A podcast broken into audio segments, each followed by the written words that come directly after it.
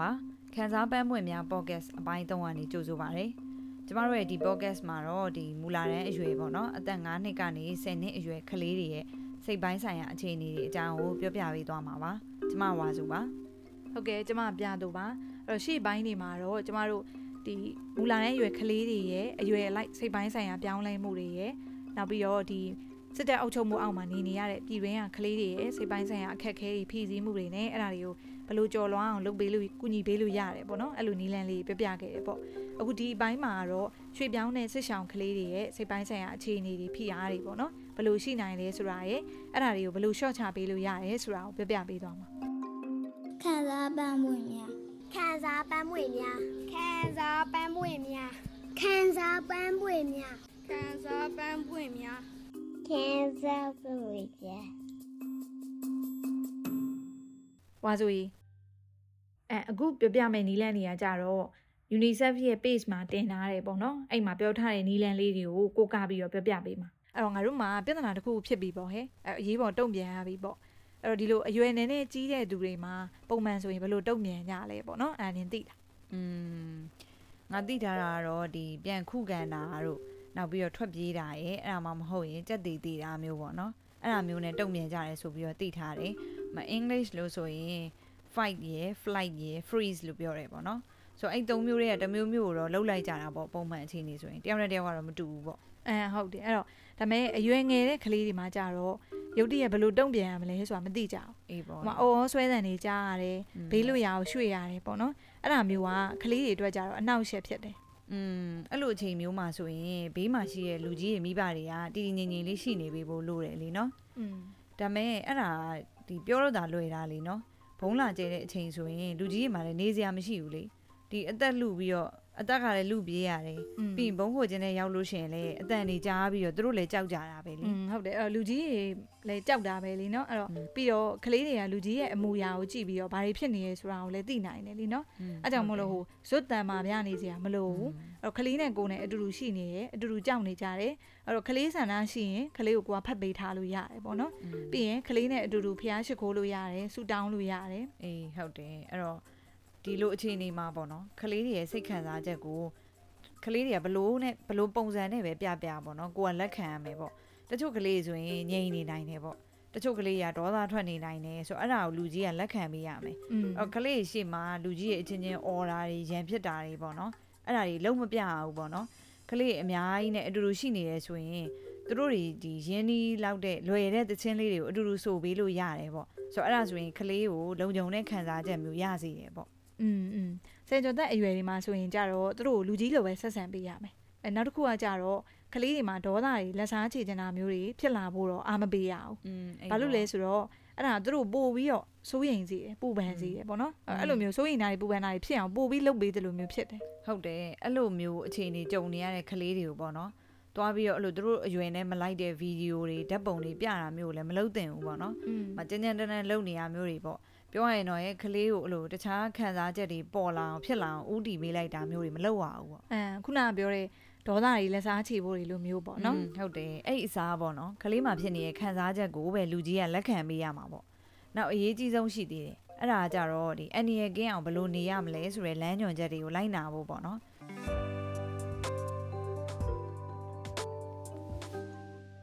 အနားမှာဘုံကျဲနေပြီဆိုရင် ကလေးကိုမှောက်ထားဖို့ပြောရမယ်နားကိုအုပ်ထားပါဇက်ကိုနည်းနည်းလေးဖွင့်ထားအဲ့လိုမျိုးလေးပြောပေးရမှာပေါ့အဲဟုတ်တယ်အဲ့ဟာလေးကြိုပြီးလေ့ကျင့်ထားမှရမှာနော်ဘုံကျဲပြီဆိုရင်ပုံလို့ရမယ့်နေရာကိုတော့ဘလို့ပြေးနော်ဘယ်နေရာမှာတော့ဘလို့နေပေါ့နော်အဲ့လိုမျိုးလေ့ကျင့်ထားမှအဲ့ဒါလုံရိုးလုံစင်ဖြစ်သွားမှာလေနော်အဲ့တော့တကယ်ဘုံလာကျဲပါပြီးတဲ့အဲ့ချိန်ကျရင်တို့ကလေ့ကျင့်ထားတဲ့ပုံစံအတိုင်းပဲလုံနေကြအတိုင်းဖြစ်သွားမှာပေါ့နော်အဲ့တော့အဲ့လိုမျိုးတို့လုံနေကြဖြစ်တယ်ဒီချိန်နေမှာတို့ကိုတို့အတော်အသင့်ထိမ့်ချုံနိုင်တယ်လို့ခံစားရရင် ကလေးတွေမှာစိတ်ဖြီးစီးတာတိတိတသာယော့သွားတယ်တဲ့ပေါ့နော်အဲ့တော့ဒီအချိန်တွေကတို့တို့အတွက်အသက်ဆန်းမဟုတ်တော့ဘူးတို့ပြေးနေကြပဲလွှားနေကြပဲပေါ့နော်နောက်ပြီးတော့အရေးပေါ်အိတ်လိုမျိုးပြင်ထားတယ်ဆိုရင်လေကလေးကိုအဲ့အိတ်ကိုပေါ့နော်ကိုကြောမှာကိုလွယ်ပြီးတော့တဲ့ခိုင်းပေါ့နော်သူတဲ့နိုင်တဲ့အလေးချိန်လောက်ပဲတော့ပစ္စည်းတွေကိုထည့်ပေးထားရမှာပေါ့ဟဲ့ဒါပေမဲ့အဲ့မှာဆိုရင်ကလေးကကိုပစ္စည်းလဲကိုတဲ့နိုင်တယ်ဒီအခြေအနေကိုလည်းပြေးရလွှားတယ်ဆိုတာမျိုးကလည်းကိုကိုယ်တိုင်ကိုတကိုယ်စားအတွက်လုံနိုင်တယ်ဆိုတာမျိုးပေါ့နော် အဲ့လိုဖြစ်တယ်ဆိုရင်သူ့ရဲ့စိတ်ပီစီမှုကနည်းနည်းလျော့သွားစေဟုတ်တာပေါ့။နောက်ပိုင်းမှာလည်းရွှေပြောင်းကလေးတွေမှာကြုံရတဲ့စိတ်အခြေအနေကိုဆွေးနွေးထားတာလေးကိုလည်းကြားအောင်ပါနော်။အခုတော့ဒီကလေးတွေရဲ့စိတ်ပီစီတာကိုလျော့အောင်လုပ်လို့ရတဲ့နီးလန်းလေးတွေကိုအရင်ဆက်ပြောပြမယ်ပေါ့။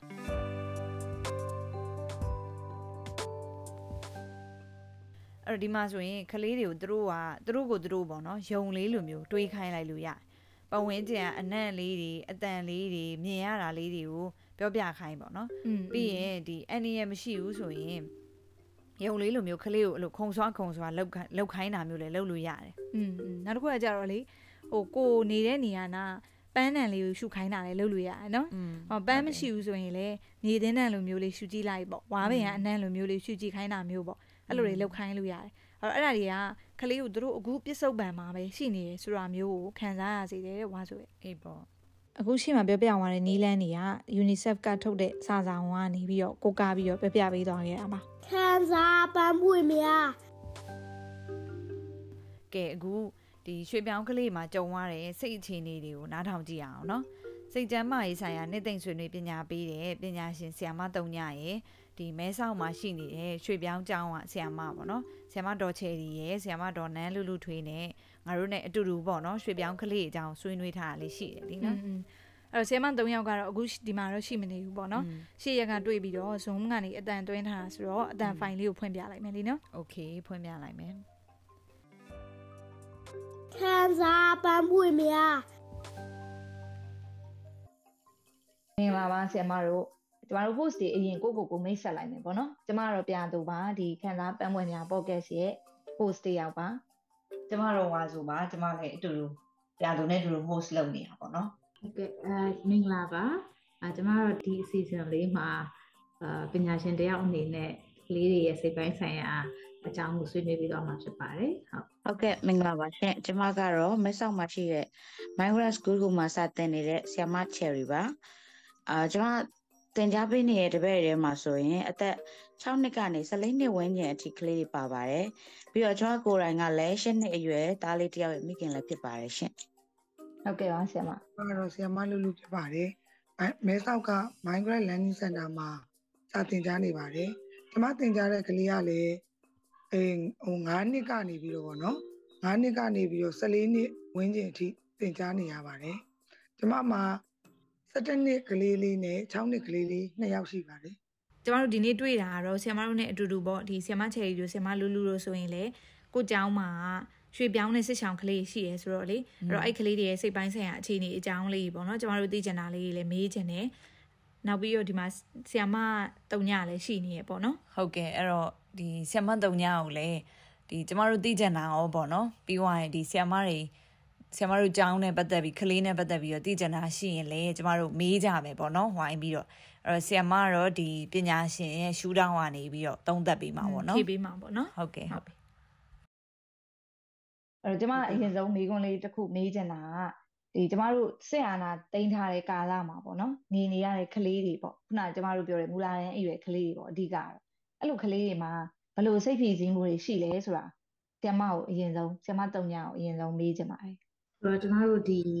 ပရိပခအခြေအနေမှာပရိပခနေရာတွေမှာရှိနေတဲ့ကလေးတွေပေါ့နော်ဒီမူလာတန်းရွယ်ကလေးတွေကိုအာစိတ်ပိုင်းဆိုင်ရာအရာအာဒီလိုမျိုးအခြေအနေမှာဘယ်လိုမျိုးထိခိုက်အာဘယ်လိုထိခိုက်မှုမျိုးတွေရှိလဲသူတို့ဘယ်လိုမျိုးအာကြုံတွေ့ရတတ်လဲဆိုတဲ့အခါမှာအာကလေးတွေကလက်ရှိဖြစ်နေတဲ့အခြေအနေကိုသူတို့အာသိဖို့အာချက်ချင်းမှာမလွယ်ဘူးပေါ့နော် ဒါပေမဲ့လက်ရှိဖြစ်နေတဲ့အခြေအနေကိုသိဖို့မလွယ်ဘူးဆိုတာဘာဖြစ်နေလဲဆိုတဲ့နာမည်နဲ့သူတို့မသိနေဘူးပေါ့အဲဒါပေမဲ့ဒီအခြေအနေဒီအာငကိုကအခြေအနေလို့မဟုတ်တော့ဘူးဆိုတဲ့ဟာကိုသူတို့ရဲ့အာအတူနေရတဲ့အာလူကြီးတွေမိဘတွေကဒီမိဘတွေကလည်းတစ်ဆင့်သိနိုင်တယ်ပေါ့နော်ဆိုတော့အဲ့လိုအခါမှာဒီကလေးတွေပေါ်မှာဒီ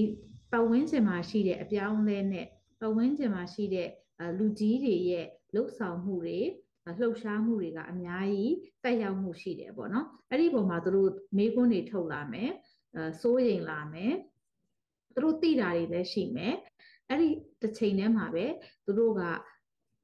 ဒီအခြေအနေကိုငါတို့ဘယ်လိုမျိုးအအဆင်ပြေအောင်နေရမလဲဆိုပြီးတော့အဲသူတို့သိတဲ့နီလန်းနဲ့အဲကုတ်ပလုတ်တာမျိုးတွေလည်းပေါ့နော်အဆင်ပြေအောင်ကုတ်ပလုတ်ပြီးတော့နေတာမျိုးတွေလည်းရှိလာနိုင်တယ်ဒီကုတ်ပိန်မှာအာ မှန်ကန်တဲ့ဟိုအဆင်ပြေတဲ့ပုံစံနဲ့ရှိသလိုကလေးတွေရဲ့အာအပြုမှု behavior ဘိုင်းမှာဆိုးရွားတဲ့တုံ့ပြန်မှုတွေနဲ့လည်းသူတို့ကကြောက်ရွံ့ပြီးတော့တုံ့ပြန်တဲ့တုံ့ပြန်မှုတွေရှိတုံ့ပြန်မှုမျိုးတွေရှိနိုင်တယ်ပေါ့နော်ဟုတ်ဟုတ်ဒါဆိုရင်အခုဆီယမကကလေးတွေမှာရှိတတ်တဲ့စိတ်ဖိစီးမှုတွေပေါ့နော်ဘယ်လိုတုံ့ပြန်လဲဆိုတာမျိုးတွေပေါ့အဲ့ဒါလေးပြောပြရဲဆိုတော့ဒီဆီယမတို့နှစ်ယောက်မှာရောကိုစာတင်ရတဲ့ကလေးတွေမှာပဲဖြစ်ဖြစ်ပေါ့ကိုသားသမီးတွေမှာပဲဖြစ်ဖြစ်အဲ့လိုမျိုး စိတ်ဖိစီးမှုတွေကြုံရဘူးလားဆီယမချယ်ရီအရင်ပြောပြပေးပါလားအာရှိတယ်ညီမလေးဟိုကလေအာအမရဲ့သားလေးကိုယ်တိုင်ပဲပေါ့နော်ဒီဘက်ကိုအဲ့လိုမျိုးရောက်လာတဲ့အချိန်မှာသူ့မှာစိတ်ဖိစီးတာကိုသူတို့ကစိတ်ဖိစီးတယ်လို့မသိပေမဲ့လေသူ့ရဲ့အပြုအမူတွေဟိုပြောင်းလဲသွားတာမျိုးပေါ့နော်တခုဆိုရင်ဟိုဘယ်လိုပြောမလဲအရင်လိုမဟုတ်ဘဲနဲ့တုံ့ပြန်မှုတွေကအဲကြမ်းလာတာမျိုးပေါ့ နောက်တစ်ခါကျရင်ဟိုနောက်အဲ့လိုမျိုးဥမာရဲမြင်ရင်ကြောက်တာမျိုးပေါ့နော်အဲ့လိုမျိုးအရင်တော့မဖြစ်ဘူးတဲ့ကြောက်စိတ်မျိုးတွေပေါ့အဲ့လိုမျိုးတွေရှိလာတာရှိတယ်ညီမလေးအာပြီးတော့တပည့်တွေမှာကြတော့လေအဲ့လိုပဲအများကြီးပဲတွေ့ရတယ်တချို့ကလေးတွေဆိုရင်ညှိုးငယ်ပြီးတော့ဖြစ်နေတာမျိုးပေါ့နော်အဲတချို့ကကြတော့လည်းမဟုတ်ဘူးအရင် over active ဖြစ်နေတာမျိုး အဲ့လိုမျိုးတော့မြင်တွေ့ရတယ်ညီမလေးအဲဆိုဆီယမလူလူရောဆီယမရဲ့ကလေးတွေမှာဘယ်လိုအတွေ့အကြုံဒီလိုဘယ်လိုစိတ်ဖိစီးမှုတွေတွေ့ရလဲပေါ့နော်ဆီယမအတွေ့အကြုံလေးတစ်ချက်ပြောပြပေးပါကျမတို့ကျောင်းမှာကြတော့ဟိုအဲ့လိုအတိုင်းဝိုင်းနည်းနည်းကြီးတဲ့ကလေးတွေပါတယ်ပေါ့နော်ဥပမာဟိုအထူးကုဆရာဝန်ရဲ့ကလေးတို့နောက်ပြီးတော့ဖအေးကဟိုမြန်မာပြည်မှာ220ထောင်နဲ့ချမှတ်ခံလိုက်ရတယ်ပေါ့နော်အဲ့လိုကလေးတွေပါလာတယ်အဲ့ဒီအထူးကုရဲ့ကလေးလေးဆိုရင် तू ကဘလောက်တောင် ဟိုကွာဟချက်တွေပေါ့နော်ဒီသူတို့မှနေခဲ့ရတဲ့ဒီကွာဟချက်တွေရှိတဲ့အတွက် तू ကကျောင်းကိုရောက်လာတဲ့အချိန်မှာပေါင်းသင်းဆက်ဆံရေးကို तू ကတအားကြီးကိုသူ့နောက်ကိုလိုက်ရတယ်ဒီအနည်း20ကြာခံလာတဲ့ကလေးဆို तू က over ဖြစ်သွားပြီ तू က तू ကအဲ့လိုဆက်ဆက်တိမခံတော့ဘူး तू အဖေကအဲ့လိုဖြစ်ခဲ့တယ်ဆိုတော့တခုခုဆိုရင် तू ကသူများတခါကိုထိုးလိုက်မယ်အဲကြိတ်လိုက်မယ်ပေါ့နော် तू အဲ့လိုမျိုးတွေသူ့စိတ်ထဲမှာခံစားလာရတယ်ဟိုကလေးကြတော့လေမိဘတွေကလည်းသူ့ကို မဲဆောက်ကိုရောက်တဲ့အချိန်မှာအဲ့လိုပဲ counseling သူ့ကိုလုပ်ပေးရတယ်ပေါ့နော် counseling ဆရာမတယောက်နဲ့တွေ့ပြီးတော့သူ့ကိုအဲ့လိုဒီပတ်ဝန်းကျင်မှာနေတတ်အောင်သူ့ကို counseling လုပ်ပေးတယ်ကျမတို့ကိုယ်တိုင်လည်းသူ့ကိုဒီမှာနွေးနွေးထွေးထွေးဆက်ဆံပေးရတယ်တကယ်မိဘတယောက်လိုပဲသူ့ကိုဆက်ဆံပေးရတယ်ဟိုကလေးကိုလည်းအဲ့လိုပဲအဲ့ကလေးက6နှစ်ပေါ့နော်သူမြန်မာပြည်မှာတော့ online မှာသူသူငယ်တန်းအောင်ခဲ့တဲ့အတွက်ကျမတို့ကသူ့ကိုပညာရေးမှာလည်းတဒန်းကိုတင်ပေးရတယ် သူစိတ်အားငယ်သွားမှာဆိုလို့သူ့ကိုတဒန်းတင်ပေးတယ်ပြီးတော့အဲ့လိုပဲသူ over ဖြစ်နေတဲ့ဟာလေးတွေကိုရှော့ပေးတာပေါ့နော်ဒါဒီလိုမလုပ်ရဘူးဒီလိုလုပ်ရင်ဒါအတွက်မကောင်းဘူးသူများတကာကိုလုပ်တယ်ဆိုတာမကောင်းဘူးဒီလိုမျိုးလူမျိုးလေးသူ့ကိုမိဘနဲ့ခေါ်ယူဆွေးနွေးပြီးတော့ကျမတို့ကအဲ့လိုမျိုးလေးတွေတော့လုပ်ပေးရတဲ့အပိုင်းလေးတွေရှိရပေါ့နော်ဟုတ်ကဲ့အဲ့တော့ခုနကဒီဆီယမတုံညာပြောသွားသလိုပဲပေါ့နော်ကလေးတွေကဘယ်လိုညှိယူကြလဲဒီပတ်ဝန်းကျင်ပေါ်မှာပေါ့ အဲ့နာနဲ့ဆက်ဆက်ပြီးတော့ဒီဆီယမချယ်ရီတို့ဆီယမလူလူတို့ပြောရတဲ့ထဲမှာဆိုရင်လေကလေးတွေကအလွန်အမင်းတုံ့ပြန်တာမျိုးတွေဒါမှမဟုတ်လို့ရှိရင်ဟိုငြိမ်သွားတာမျိုးပေါ့နော်အဲ့လိုမျိုးတွေတွေ့ရတယ်ဆိုတော့လေဆိုတော့အဲ့ဒီလိုမျိုးပေါ့ကလေးရဲ့ဒီစိတ်ဖိစီးမှုကိုသူတို့ရဲ့စိတ်သက်သာရရအောင်လို့ဘယ်လိုကူညီပေးလို့ရလဲဆိုတာလေးဆရာမတုံညာဖြေပေးပါလားဒီအချိန်လေးမှာကျမတို့ဒီအာမိဘတွေနဲ့ဆရာမတွေနဲ့ပြီးတော့အိမ်မှာမိဘမဟုတ်လဲပေါ့နော်အတူနေရတဲ့သူကြီးတွေရဲ့ ပံ့ပိုးပေးမှုကကလေးတွေအတွက်အရန်အရေးကြီးတယ်ပေါ့နော်ကလေးတွေကိုသူတို့ရဲ့ပြောင်းလဲနေတဲ့အပြုတ်မှုတွေကိုမိဘတွေကဆရာမတွေကတတိထားမိဖို့လိုတယ်ပေါ့နော်ပထမတစ်ဆင့်မှာပေါ့နော်တတိထားမိပြီးတဲ့အခါကျလို့ရှိရင်နော်သူတို့ကိုဟိုပါ communicate လုပ်ရမယ်ပေါ့နော် communicate လုပ်တဲ့အခါကျလို့ရှိရင်ဒါကျမတို့ကကလေးတွေကိုဟိုသူတို့မသိတော့ပါဘူးဆိုတဲ့ဟာမျိုးမဟုတ်ဘူးပေါ့နော်သူတို့မသိတော့ပါဘူးဆိုတာအထူးသဖြင့်ခုနမိသားစုမှာရှိမဲ့အပြောင်းအလဲမျိုးဖြစ်ခြင်းဖြစ်မယ် မိသားစုဝင်ဆုံးရှုံးရတာမျိုးဖြစ်ခြင်းဖြစ်မယ်ပေါ့နော်ဟိုဒီနေရာကိုတခုခုပြောပြီးတော့ခေါ်လာတာမျိုးလည်းဖြစ်ခြင်းဖြစ်မယ်ပေါ့နော်ဒါပေမဲ့အဲ့လိုမျိုးဟာတွေကိုကိုကကလေးတွေတော့မသိတော့ပါဘူးဆိုတာထက်ကလေးတွေကိုကျမတို့ကသူတို့ဘာသိလဲဆိုတာကိုမေးကြည့်လို့ရတယ်နော်သူတို့ဘာနားလည်ထားလဲပြီးသူတို့ဘာခံစားရလဲပေါ့နော်နားလည်မှုနဲ့နောက်မှာဘာခံစားရလဲဆိုတဲ့ဟာတွေထည့်ပြီးတော့ဆက်ပြီးဆွေးနွေးလို့ရတယ်ပေါ့နော်ပြီးတဲ့အခါမှာကလေးတွေနားလည်နိုင်တဲ့စကားလုံးမျိုးနဲ့ပေါ့နော် ကလေးတွေနားလည်နိုင်မဲ့စကားလုံးမျိုးနဲ့လက်ရှိအခြေအနေကိုရှင်းပြလို့ရတယ်အဲ့ချိန်မှာအရင်အရေးကြီးတာကလည်းဆိုတော့ဟိုကလေးတွေကိုဟိုလိန်လိုက်တာမျိုးမဟုတ်ဘူးပေါ့နော်လိန်လိုက်တာမျိုးမဟုတ်ဘဲနဲ့ကလေးနားလေတဲ့ဘာသာစကားမျိုးတော့ပြောရလိမ့်မယ်ဒါပေမဲ့ဟို label တက်တာမျိုးဟိုလူလူတဦးတယောက်ချင်းစီကိုမုန်းစေတဲ့ဟာမျိုးလည်းမပါအောင်ကျမတို့သတိထားရမယ်ပေါ့နော်ဟိုဟို သူတို့ကလူလူဆိုးတွေဆိုတဲ့ဟာမျိုးမဟုတ်ဖ ೇನೆ ပေါ့နော်အဲဒီဒီလလောဆယ်မှာဒီအခြေအနေက safe မဖြစ်တဲ့အတွက်မလုံခြုံတဲ့အတွက်ပေါ့နော်မလုံခြုံတဲ့အတွက်မလုံခြုံဘူးဆိုတဲ့ဟာကအဲဘာကိုပြောတာလဲအဲသူတို့နားလဲလားပေါ့နော်အဲဒါမျိုးပြောပြပြီးတော့မှဒီနေရာမှာကပို့ပြီးတော့စာသင်ရဖို့ပို့ပြီးအဆင်ပြေလို့အဲအဆရှိတယ်ပေါ့နော်ဥပမာလေးတွေပေးပြီးတော့ ပြောပြပြောပြလို့ရတယ်ကလေးနားလည်တဲ့ language နဲ့အမုန်းတရားတွေ hatred တွေ discrimination တွေကိုတော့တနိုင်သမျှဒီနေရာမှာသတိထားဖို့လိုလိုအပ်တယ်ပေါ့နော်အခါဒီကျမတို့ကဟိုကဥပမာပေးပြီးကလေးနားလည်အောင်ပြောတဲ့အခါမှာဒီဥပမာတွေကလည်းအဲဒါမျိုးစီကို lead ဥတီသွားနိုင်တယ်ပေါ့နော်ဒါလေးတွေသတိထားပေးဖို့လိုအပ်ပါတယ်ပြီးတဲ့အခါမှာကလေးတွေကိုသူတို့ လက်ရှိအခြေအနေမှာသူတို့လုံခြုံတယ်လက်ရှိအခြေအနေမှာအဲသူတို့ကိုကူညီမဲ့เนาะပံ့ပိုးပေးတဲ့မိသားစုတော်၎င်းခုနလိုကျောင်းဝဆရာမတွေတော်၎င်းရှိတယ်ဆိုတဲ့ဟာလေးကိုပြောပြပြီးအဲသူတို့စိတ်လှုပ်ရှားတဲ့အခါမှာအာစိတ်အစင်မပြေတဲ့အခါမှာဘာလုပ်လို့ရလဲဆိုတော့ကလေးတွေနဲ့တင့်တော်တဲ့ relaxation လေးတွေရှိတယ်ပေါ့နော်ဒါမျိုးလေးတွေကျမတို့ဟိုသင်ပြပေးလို့ရတယ်လုပ်ပေးလို့ရတယ်ပုံပြင်လေးတွေပြောပြလို့ရတယ်ပေါ့နော် hero ပုံပြင်လေးတွေထဲမှာအဲကလေးတွေကိုခွန်အားရစေမယ့်ပုံပြင်လေးတွေရှိတယ်ပေါ့နော်ဒါမျိုးလေးတွေပြောပြလို့ရပါတယ်ဟုတ်ဆီယမချယ်ရီတို့ဆီယမလူလူတို့လည်းဒီကျောင်းနေမှာပေါ့နော်ကလေးတွေအတွက်စိတ်ကျန်းမာရေးနဲ့ပတ်သက်ပြီးတော့တည်ဖို့အတွက်ပေါ့နော်နောက်သင်ခန်းစာတွေထဲမှာထည့်သင်ဖို့အတွက်အဲ့လိုမျိုးလေးထည့်သင်ရတယ်ဆိုတာမျိုးပေါ့နော်ကြာတော့လေပါရှိတာပေါ့ဆီယမတို့အခုလုပ်နေတာမျိုးတွေရှိလားအာအဲ့ဒါအမဖြစ်မယ်နော်ဟိုပါလေဟုတ်ကဲ့ရှိတဲ့ခါလေ အဲ့ဒီမတိုင်ခင်တခုပြောချင်တာလေအဲ့ဒီသင်ခန်းစာတွေကိုမသိအခြေအနေလေးတခုပြောချင်တာပေါ့နော်အမတို့တပည့်တယ်မှာကလေးလေးတယောက်ကလေသူကကွာအဲ့ဒီတိုက်ပွဲတွေအရင်ပြင်းထန်တဲ့နေရာကနေမှဒီဘက်ကိုရောက်လာအဲ့တော့သူအမတို့စီကိုရောက်လာတော့6လပိုင်းမှာကျောင်းစတက်တယ်ပေါ့နော်သူ့အမေခေါ်လာတဲ့အချိန်မှာသူကလုံးဝစကားမပြောတော့လုံးဝစကားမပြောတာကျောင်းလာတယ်ဒီတိုင်းပဲကျောင်းမှာဒီတိုင်းထိုင်နေတာပဲရှိတယ်တလားနှစ်လလောက်ကြာတယ်ပေါ့နော် အဲ့နှစ်လလောက်အတွင်းမှာလည်းအမတို့ကတော့ဒီတိုင်းပဲသူ့ပုံမှန်ကလေးလိုပဲဆက်ဆံပေးရကွာသူစကားမပြောတာကိုဓာကြီးကိုဟိုကမဖြစ်နေဘူးပုံမှန်ကလေးလိုပဲဆက်ဆံနေပြောတယ်ဆိုတယ်ပြီးရင်ဟိုဟိုမှာဟိုတခုလုံးစရာရှိရဆိုရင်သူ့ကိုပို့ပြီးတော့လောက်ခိုင်းတယ်အဲ့လိုမျိုးပေါ့တားရေဟိုကလေးယူပေးပါအောင်ဒီကလေးယူပေးပါအောင်အဲ့လိုမျိုးပုံစံမျိုးပေါ့နော်အာနှစ်လမြောက်သုံးလမြောက်လောက်ကြာမှသူစကားပြောလာတယ် အဲသူ့စိတ်ထဲမှာဒါသူလုံခြုံတဲ့နေရာရောက်ပြီလို့သူခံစားရလို့ဖြစ်မှာပေါ့နော်အစပိုင်းမှာတော့လုံးဝပဲအဲ့ဒီ down ကပ်ပြီးတော့ထိုင်နေတယ်အဲ့တိုင်းပဲနေတယ်အခုတော့နည်းနည်းအခုဆို၄လမြောက်၅လမြောက်လောက်ဖြစ်လာပြီဆိုတော့ပုံမှန်ကလေးနီးပါးလောက်ဖြစ်လာပြီပေါ့နော်အာဒါကဟိုဟိုစစ်ဘေးရှောင်လာတဲ့တိုက်ပွဲထဲမှာတကယ်ဟိုဘုံနေကျဲတာကိုကြုံခဲ့ရတဲ့ကလေးရဲ့အခြေအနေပေါ့နော်အဲ့ဒါလေးကိုပြောပြရတယ် အဲညီမလေးတို့ခုနမေးတဲ့မေကွန်းကိုပြန်ဖြေရမယ်ဆိုရင်အမတို့စီမှာရှိတယ်ညီမလေးပေးတယ်တင်တန်းပေးတယ်အဲအတန်းကြီးတွေအတွက်ဆိုရင်တော့ counseling လာလုပ်ပေးတာမျိုးပေါ့နော်ပြီးရင်တို့ဟိုပကြီးဆွဲပြီးတော့လေသူတို့ရဲ့အဲဖြစ်တဲ့စိတ်ခံစားချက်တွေကိုကာလာဘာတွေသုံးလဲဆိုပြီးလုပ်ခိုင်းတဲ့ဟာမျိုးရှိတယ်အတန်းငယ်လေးတွေအတွက်ကြတော့အမတို့အခုဘာလုပ်ပေးရလဲဆိုတော့သူတို့ကိုစာသင်ချိန်၄ချိန်စာပေါ့နော် အဲ့ဒီလေးချိန်စာမလုပ်ခင်မှာသူတို့ရဲ့စိတ်ခံစားချက်တွေကို emoji လေးတွေနဲ့ပြတာလုပ်ခိုင်းတယ် pre test ဖြေခိုင်းတယ်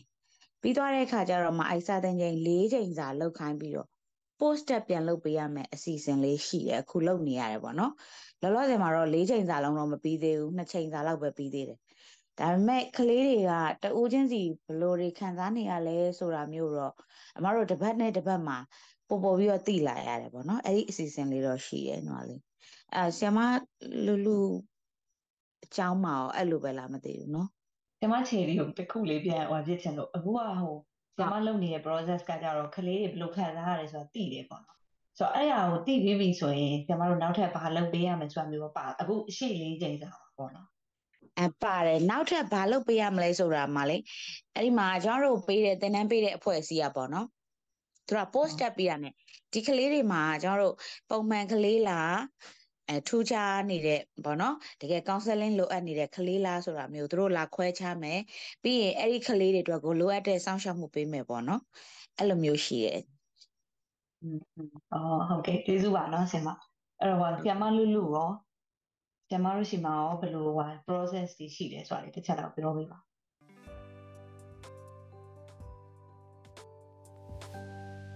ဒီမှာတို့တော့အဲ့ဒီအခုဒီမဲဆောက်မှာရှိတဲ့ ဟိုပြင်ပ NGO တွေပေါ့နော်ပြင်ပ NGO တွေရှိတယ်ရှိတဲ့အတွက်သူတို့ကကလေးတွေကိုပဲဦးစားပေးတယ်အခုကျမတို့ဆိုရင် child right တို့ child safeguard တို့အဲ့လိုမျိုးတွေသူတို့ကသင်တန်းပေးတယ်ပြီးရင်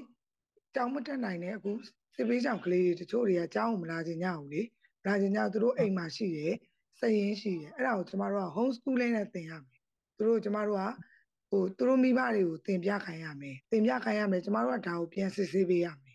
ပြန်စစ်ဆေးပေးရမယ်အဲ့ဒါကိုတစ်လမှတစ်ချိန်ဖြစ်စေကျမတို့ကအပြင်ကိုထွက်ပြီးအဲ့ဒီမိဘတွေအိမ်မှာသွားပြီးစစ်ဆေးရမယ်ပြီးရင်အဲ့ဒီဟိုကျောင်းမှာပဲဖြစ်စေအိမ်မှာပဲဖြစ်စေသူတို့ရဲ့ဟိုသူတို့ကိုသင်ပေးရမယ်သင်ရိုးညွှန်တမ်းတွေဟိုသင်ရိုးတွေကိုကျမတို့ကိုကိုယ်တိုင်ပဲအဲ့ဒီ NGO တွေကသင်တန်းပေးပြီးတော့ဆွဲခိုင်းတယ်လောက်ခိုင်းတယ်ပေါ့နော်ကျမတို့ဒီသင်နေတဲ့သင်ရိုးတွေကို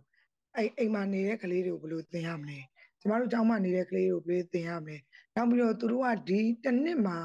အခုကျမတို့ဒီ12လပိုင်းဆိုရင်ဒါပထမနှစ်ဝက်စာသင်နှစ်ပြီးပြီအဲ့ဒီမှာသူကကျမတို့ကျောင်းကိုလာတယ်အဲ့လိုကလေးတွေအားလုံးအတွက်သူတို့ကကစားနည်းတွေပေါ့နော်ကစားနည်းတွေသင်တန်းတွေအဲ့ကလေးတွေကိုလာပေးတာအဲ့ရွှေပြောင်းကလေးတွေရောစစ်ဘေးကြောင်ကလေးတွေရောအဲ့လိုဒီအာနာသိမ့်ပြီးမှရောက်လာတဲ့ကလေးတွေရောအကုန်လုံးညီလိုညီမျှပါလာဟိုပါအောင်ပေါ့နော်သူတို့က ဟိုပကြီးပြိုင်ပွဲတို့အဲ့လိုမျိုးတွေကြောင်းမှာပေါ့နော်ကျမတို့ကြောင်းမှာအဲ့ချိတ်ဆက်ထားတဲ့ NGO အဖွဲ့အစည်းကနေပြီးတော့အကုန်တာဝန်ယူပြီးတော့သူတို့ကအစင်စင်လုပ်ပေးတယ်ပေါ့နော်ကျမကတော့သူငယ်တန်းတန်းတင်တဲ့တင်တဲ့ဆရာမဖြစ်တဲ့အတွက်အဲ့လိုမျိုးဟိုဟိုဟာကြီးတော့သူတို့တို့အတန်းကြီးတွေတို့ကောင်ဆယ်လင်းအဲ့လိုမျိုးလုပ်တဲ့ဟိုမှတ်တမ်းတော့မရှိဘူးပေါ့နော်ဒါပေမဲ့သူတို့ကိုပကြီးလေးနဲ့သူတို့စိတ်မှာဘာတွေခံစားနေရလဲသူတို့ဘလို့ဝမ်းနဲ့ပူဆွေးမှုတွေရှိနေလဲ အဲ့ဒါမျိုးလေးတွေသူတို့ဆွဲတဲ့ပကြီးပေါ်မှာမူတည်ပြီးတော့ကျမတို့ကစုံပြတ်ပေးတယ်ပေါ့နော်တကယ်လို့လိုအပ်တယ်ဆိုရင်ကျမတို့ကမိဘကိုခေါ်တယ်အဲ့ကျမတို့ NGO အဲ့ချိတ်ဆက်ထားတဲ့ NGO အဖွဲ့အစည်းကိုပြောပြတယ်သူတို့သူတို့ကလည်းပြောပြခိုင်းတယ်ဒါမျိုးတွေဖြစ်လာတယ်ဆိုသူတို့ပြောပြပါသူတို့ကိုယ်တိုင်ဟိုအစစ်စစ်သွားပေးမယ်ပေါ့နော်အဲ့လိုအစင်းစင်လုပ်ပေးမယ်ဆိုပြီးကျမတို့အဲ့ဒီလိုမျိုးဟိုကြည်ခိုင်စောက်ရှောက်ခိုင်းတာတယ်ပေါ့နော် အဲ့လိုလုပ်ခိုင်းတာပါတယ်အဲ့တော့လေဆရာမတို့အခုအဲ့လိုလုပ်ပြီးတော့သူတို့တင်ပြပြီသူတို့ကလာပြီးတော့ဟို process လုပ်ပြီးရဲ့စိတ်ကျမ်းမာရေးနဲ့တည်း process လုပ်ပြီးရဲ့ကလေးတွေရောရှိလားအခုချိန်ထိဘယ်နေရာလောက်ရှိလဲအခုချိန်ထိကတော့မရှိသေးဘူးပေါ့နော်ဟိုသူတို့ကကျမတို့တင်တန်းပေးတဲ့အချိန်မှာတခါတည်းပြောပြထားတယ်ရှိတာနဲ့သူတို့ချက်ချင်းအကြောင်းကြားပါအခုအချိန်ကြီးကတော့ကျမတို့ဒီကျောင်းမှာဖြည့်ရှင်းလို့ရတဲ့အပိုင်းလေးတွေရှိသေးတယ်ပေါ့နော် ကျမတို့ဆရာဆရာမအကျောင်းအုပ်ကြီးတွေနဲ့ဒရိုက်တာနဲ့ပေါ့နော်ပူးပေါင်းပြီးတော့ဟိုဆရာမတွေပူးပေါင်းပြီးတော့ဆောင်ရွက်နိုင်တဲ့အနေအထားပဲရှိတယ်စိုးစိုးဝါးဝါကလေးကတော့ပါမလာသေးဘူးပေါ့နော်အခုချိန်မှာမရှိသေးဘူးအဲ့လိုမျိုးအနေအထားမျိုးကျမလုံသက်ဒီလုံသက်နှစ်နှစ်မှာပေါ့နော်ဒီ migrate ကျောင်းလုံသက်နှစ်နှစ်မှာစိုးစိုးဝါးဝါအရင်ဆိုးရတဲ့ကလေးတော့မရှိသေးဘူးပေါ့နော်သူတို့ ਨੇ စစ်ဆက်ဆွေးနွေးရအောင်အောင်ထီတော့မရှိသေးဘူးပေါ့ကျမတို့ ਨੇ အဆင်ပြေသေးတယ်ပေါ့နော်ဟုတ်ကဲ့ ဟုတ်ကဲ့ဟုတ်ကဲ့ဆရာမကျေးဇူးတင်ပါတယ်အဲ့တော့ဟိုကလေဆရာမတုံညာကိုကျွန်မတစ်ချက်မေးချင်တာပေါ့နော်အခုနဆရာမနှစ်ယောက်ပြောရတဲ့တဲမှာဆိုရင်ဒီကလေးတွေကိုအဲ့လိုအဖွဲ့အစည်းရာကောင်ဆယ်လင်လုပ်တာမျိုးလုပ်ပေးတာမျိုးတွေဒီကုညီဖို့သူတို့ပြင်ထားတာမျိုးတွေတွေ့ရတယ်ပေါ့နော်အဲ့ကျွန်မအဲ့ကောင်ဆယ်လင်နဲ့ပတ်သက်တာလေးဆရာမတို့တစ်ချက်မေးချင်လို့ပေါ့နော်အဲ့တချို့ case တွေမှာဆိုရင်ဒီကလေးနဲ့အမေနဲ့အတူတူခံစားရတယ်စစ်ရှောင်တာတို့ဘာလို့ဆိုရင်ပေါ့နော် ဆိုတော့ကျွန်မသိသိထားတာတော့ဒီအတူတူ counseling ယူကြတယ်ပေါ့သားမီးနှစ်ယောက်အတူတူပေါ့နော်ဆိုတော့အဲ့လိုမျိုးယူတာနဲ့နောက်ကလေးတယောက်တည်းကို counseling ပေးတာမျိုးပေါ့နော်ဆိုတော့ဘလို့အခြေအနေမျိုးမှာဆိုရင်အဲ့လိုတွေပေးဖို့လိုအပ်တယ်ပေါ့နော်ပြီးတော့ရင်အဲ့လို counseling ယူတာမျိုးတွေကဘလို့အကျိုးသက်ရောက်မှုတွေရှိရဲဆိုတာလေးကိုဆရာမရှိရနေပြီးသိကြလို့အဲ့တော့ခုနဒီကလေးတွေကိုကျမတို့ဆွေးနွေးပေးတဲ့အခါပေါ့နော်စိတ်ပိုင်းဆိုင်ရာရဆွေးနွေးပေးတဲ့အခါမှာအာတခါတလေမှာကလေးက အဲဒစိမ့်နဲ့စပြီးတော့အတွေးရမှာမျိုးကိုဟိုကြောက်နေတာမျိုးမသိတာမျိုးအဆင်မပြေတာမျိုးရှိတယ်လေနော်အဲ့လိုအခါမျိုးမှာတော့ကျမတို့ကမိဘနဲ့အတူတူအဲအတူတူဆော့ရင်းနဲ့ပေါ့နော်ကလေးအများစုမှာတော့ကျမတို့ဒီဒီ play therapy ကိုသုံးပြီးတော့ကလေးတွေရဲ့အပြုအမူတွေသူတို့ဘာတွေခံစားနေရလဲဆိုတာကိုကျမတို့ကလေ့လာတယ်နားလည်ဖို့စူးစမ်းပြီးတော့မှကူညီပေးတာမျိုးလုပ်တယ်ပေါ့နော်။ ဘာလို့လဲဆိုတော့ကျွန်မအစမှာနည်းနည်းလေးအစပြောထားသလိုပဲကလေးတွေမှာအဖြစ်အပျက်အတွက်ကိုအာထပ်တူကြတဲ့စကလုံးသူတို့မသိသေးဘူးလေနော်နားမလည်သေးဘူးဒါပေမဲ့သူတို့ဒီအခြေအနေကိုနားမလည်တာမဟုတ်တဲ့အခါကျတော့သူတို့နားလည်တဲ့ပုံတွေနဲ့အဲဟိုပါပေါ့နော်ကစားတဲ့ပုံစံနေနဲ့သူတို့ဖော်ပြတတ်ကြတယ်လေနော်ဆိုတော့ဒါတွေကိုကျမတို့ကဒီ play therapy ဒီဒီလိုမျိုးကလေးတွေနဲ့ စိတ်ပိုင်းဆိုင်ရာအရာကူညီတဲ့အခါမှာအများကြီးအထောက်ပံ့ဖြစ်တယ်လေနော်အဲ့တော့အစမှာတော့တယောက်တည်းနည်းနည်းလေးအဲသစိမ်းနဲ့စကားပြောဖို့အဆင်ပြေတယ်ဆိုရင်တော့တယောက်တည်းစပြီးတော့ကျမတို့ကလေးနဲ့စကားပြောရင်းနဲ့ကလေးနဲ့စကားပြောတဲ့အခါမှာခုနလိုပေါ့နော်ကလေးကိုပုံဆွဲတာတွေကစားစရာတွေနဲ့အထောက်အကူတွေနဲ့ကျမတို့စပြီးတော့ဆွေးနွေးပြီးစကားပြောပေးတယ်အကယ်၍ မိဘအကူအညီလိုမယ်ဆိုလို့ရှိရင်မိဘနဲ့အတူတူပေါ့နော်စပြီးတော့အဲစကားပြောရင်းနဲ့မှကျမတို့ကိုကိုကိုမိတ်ဆက်ရင်းနဲ့ကလေးနဲ့နည်းနည်းလေးယဉ်နီးလာအောင်လုပ်တယ်ပေါ့နော်အဲနောက်တစ်ခုကကြတော့ကလေးတစ်ယောက်တည်းနဲ့ဆွေးနွေးတယ်စကားပြောတယ်ဆိုတဲ့အခါမှာအဲ့ဒီအပိုင်းပြီးသွားလို့ရှိရင်ကလေးနဲ့ကလေးရဲ့မိဘနဲ့အိမ်မှာဆက်ပြီးတော့အတူနေရမှာလေနော်အဲ့ခါကျတော့ကလေးရဲ့မိဘကိုလည်းကလေးရဲ့အပြုအမူတွေကို တတိထားမိအောင်နားလည်အောင်လို့ကျမတို့ကအဲဒီစော့တဲ့เนาะကလေးနဲ့စကားပြောတဲ့အချိန်မှာမိဘကိုလည်းပါဝင်စေပြီးတော့သူတို့နှစ်ယောက်ရဲ့ interaction ပေါ့เนาะအပြန်အလှန်ဆက်သွယ်မှုဘယ်လိုမျိုးရှိလဲဘလို့ပံ့ပိုးမှုတွေလုပ်ဖို့လိုအပ်လဲဆိုတဲ့ဟာကိုကျမတို့မိဘတွေကိုလည်းသင်ပေးပြောပြပေးတာမျိုးပညာပေးတာမျိုးလုပ်လို့ရတယ်ပေါ့နော်ဆိုတော့ဒီလိုလုပ်ခြင်းအဖြစ်ခုနကလေးတွေမှာအာသူတို့ကြုံတွေ့ခဲ့ရတဲ့စိုးဝါတဲ့အဖြစ်အပျက်တွေကိုသူတို့ နားလည်သွားတယ်အဲတနည်းအားဖြင့်တိုင်တွယ်နိုင်သွားတယ်ရှေ့ကိုကောင်းကောင်းလေးရှေ့ဆက်နိုင်သွားတယ်ပေါ့နော်အဲ့တော့ကျွန်မဒီစိုးဝါတဲ့အဖြစ်အပျက်တွေနဲ့စိတ်ဒဏ်ရာနဲ့ပတ်သက်လို့ရှိရင်ပြောထားတဲ့ဒီ Professor Thomas Hubel ပေါ့နော်သူပေးတဲ့ဥပမာလေးကိုကျွန်မသဘောကျလို့ပြန်ပြီးတော့ပေးချင်တာပါလဲဆိုလို့ရှိရင်အဖြစ်ပြက်ဆိုးတွေကြုံရတဲ့ဟာကကျမတို့ဟိုရေခဲတွေကျလာတယ်လို့ပဲပေါ့နော်ဒီရေခဲတွေကပျော်သွားတယ်ဆိုလို့ရှိရင်ရေထဲမှာ စီးသွားလိမ့်မယ်ပေါ့နော်ရေဖြစ်ပေါ့နော်စမ်းကြောင်းဖြစ်စီးသွားလိမ့်မယ်မဟုတ်တဲ့အခါကျရင်ရေခဲရေခဲရေခဲတွေပဲထပ်ထပ်ထပ်ထပ်ပြီးတော့ဒါရေခဲထူကြီးဖြစ်သွားလိမ့်မယ်ပေါ့နော်အဲ့တော့ခုနကလေးတွေကိုစိတ်ပိုင်းဆိုင်ရာအရဆွေးနွေးပေးရဆိုတဲ့အခါမှာကျွန်မအဲ့ဒီဥပမာလေးကိုပြန်သတိရတယ်လေနော်ဆိုတော့ဒါဒီတို့ဒီအခြေအနေကိုအဲကင်တွယ်ဖို့ Nilan problem solving skills တခုပြဿနာဖြေရှင်းတဲ့နီလန်တစ်ခုကိုကလေးတွေဒီအရွယ်မှာသူတို့အာကြုံတွေ့ပြီး လက်တွေ့ပေါ့နော်သူတို့ကြုံကြုံတွေ့ဘူးသွားတယ်လှုပ်တက်သွားတယ်ဟိုဒီအဖြစ်ပြက်ကကလေးတယောက်အနေနဲ့အာဖြစ်တဲ့ဟိုကြုံတွေ့တဲ့နဲ့ပေါ့နော် normal ကိစ္စတော့မဟုတ်ဘူးဒါပေမဲ့ကြုံတွေ့ရတဲ့အခါမှာသူဖြည့်ရှင်းနိုင်သွားတယ်ထပ်ထပ်ပြီးတော့ဒါဒီပေါ်မှာခုနအဆိုင်ခဲတွေမဖြစ်သွားအောင်ကျမတို့ကူညီပေးလိုက်နိုင်ခြင်းဖြစ်တယ်အာဒီခက်ခဲတဲ့အခြေအနေကိုသူသူရဲ့ကြီးပြင်းလာတဲ့အခါမှာအဲကျမတို့ဟိုပါပေါ့နော်ဒီဒီခက်ကြီးတဲ့မှာ ကြုံရအောင်ပါပဲလေနော်အဲ့ခါကျရင်သူဒီပို့ပြီးတော့အကောင်းမြင်တဲ့ဘက်ကနေအပြူသဘောဆောင်တဲ့ဘက်ကပြဿနာကိုဖြေရှင်းတဲ့နီလန်ဘက်ကနေပြီးတော့ကျမတို့ community အတွက်ကိုအများကြီးအထောက်ပေးအထောက်ပံ့ပေးနိုင်တဲ့ကလေးလေးတွေအများကြီးလူကြီးလေးတွေဖြစ်လာကြမှာပေါ့နော်ဟုတ်ဟုတ်ကဲ့ဆရာမအားတို့အကြောင်းပါပေါ့နော်အဲ့လိုမျိုးဒီကိုရောက်လာပြီးတော့ counseling ယူထားတဲ့ကလေးလေးတယောက်ရှိရပေါ့နော်သူ့အမေရောသူဟို counseling ဟို ဒီမဲဆောက်မှာယူထားတဲ့ကလေးလေးတယောက်ရှိတယ်ပေါ့နော်အဲ့ကလေးလေးကိုကြတော့မတို့ဘလို့ထပ်ပြီးတော့ဟိုသူ့ကိုသူ့သူ့ဘလို့ထပ်ပြီးစောက်ရှောက်ရမလဲဆိုတော့အဲ့အမျိုးလေးသိကျင်တယ်ပေါ့နော်သူကိုယ်တိုင်သူ့အမေကလည်းပြောပြတယ်သူရောသူ့သမီးလေးရောဟို counseling ယူထားတယ်ပေါ့နော်အဲ့အတွက်သူအเจ้าမှလာပြောပြတယ်ဆီယမတွေပေါ့နော်အဲ့ကလေးလေးကဟိုကျမတို့ counseling ယူထားတဲ့ကလေးဖြစ်ပါတယ်ပေါ့နော်အဲ့လိုမျိုးကျမတို့ဘလို့ထပ်ပြီးတော့စောက်ရှောက်ပေးလို့ရမလဲပေါ့နော် ဘလို့ဘလို့သူ့ကိုဆက်ပြီးတော့လုပ်ပေးရမလဲပေါ့နော်အဲ့ဒါလေးတစ်ချက်သိချင်တယ်ဟိုဆ iam အနေနဲ့ဟိုတတ်နိုင်သမျှပံပိုးမှု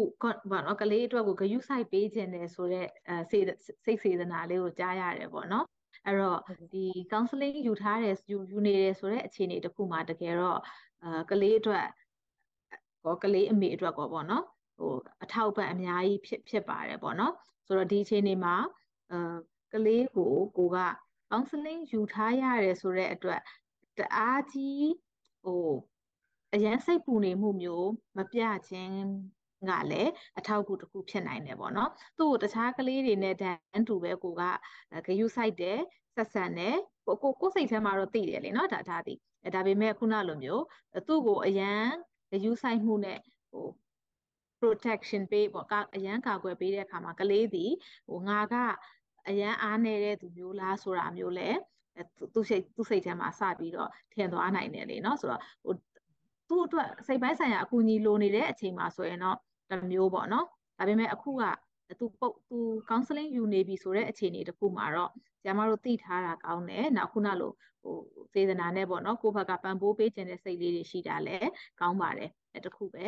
သူ့ကိုပုံမှန်လေးပဲ view site ပေးနေပါသူ့ရဲ့အပြုအမူ အပြောင်းလဲတွေကိုတော့ကိုကအာ observe လုပ်ပါလေလေ့လာကြည့်ပါတတိထားကြည့်ပါအပြောင်းလဲရှိတာမျိုးဆိုလို့ရှိရင်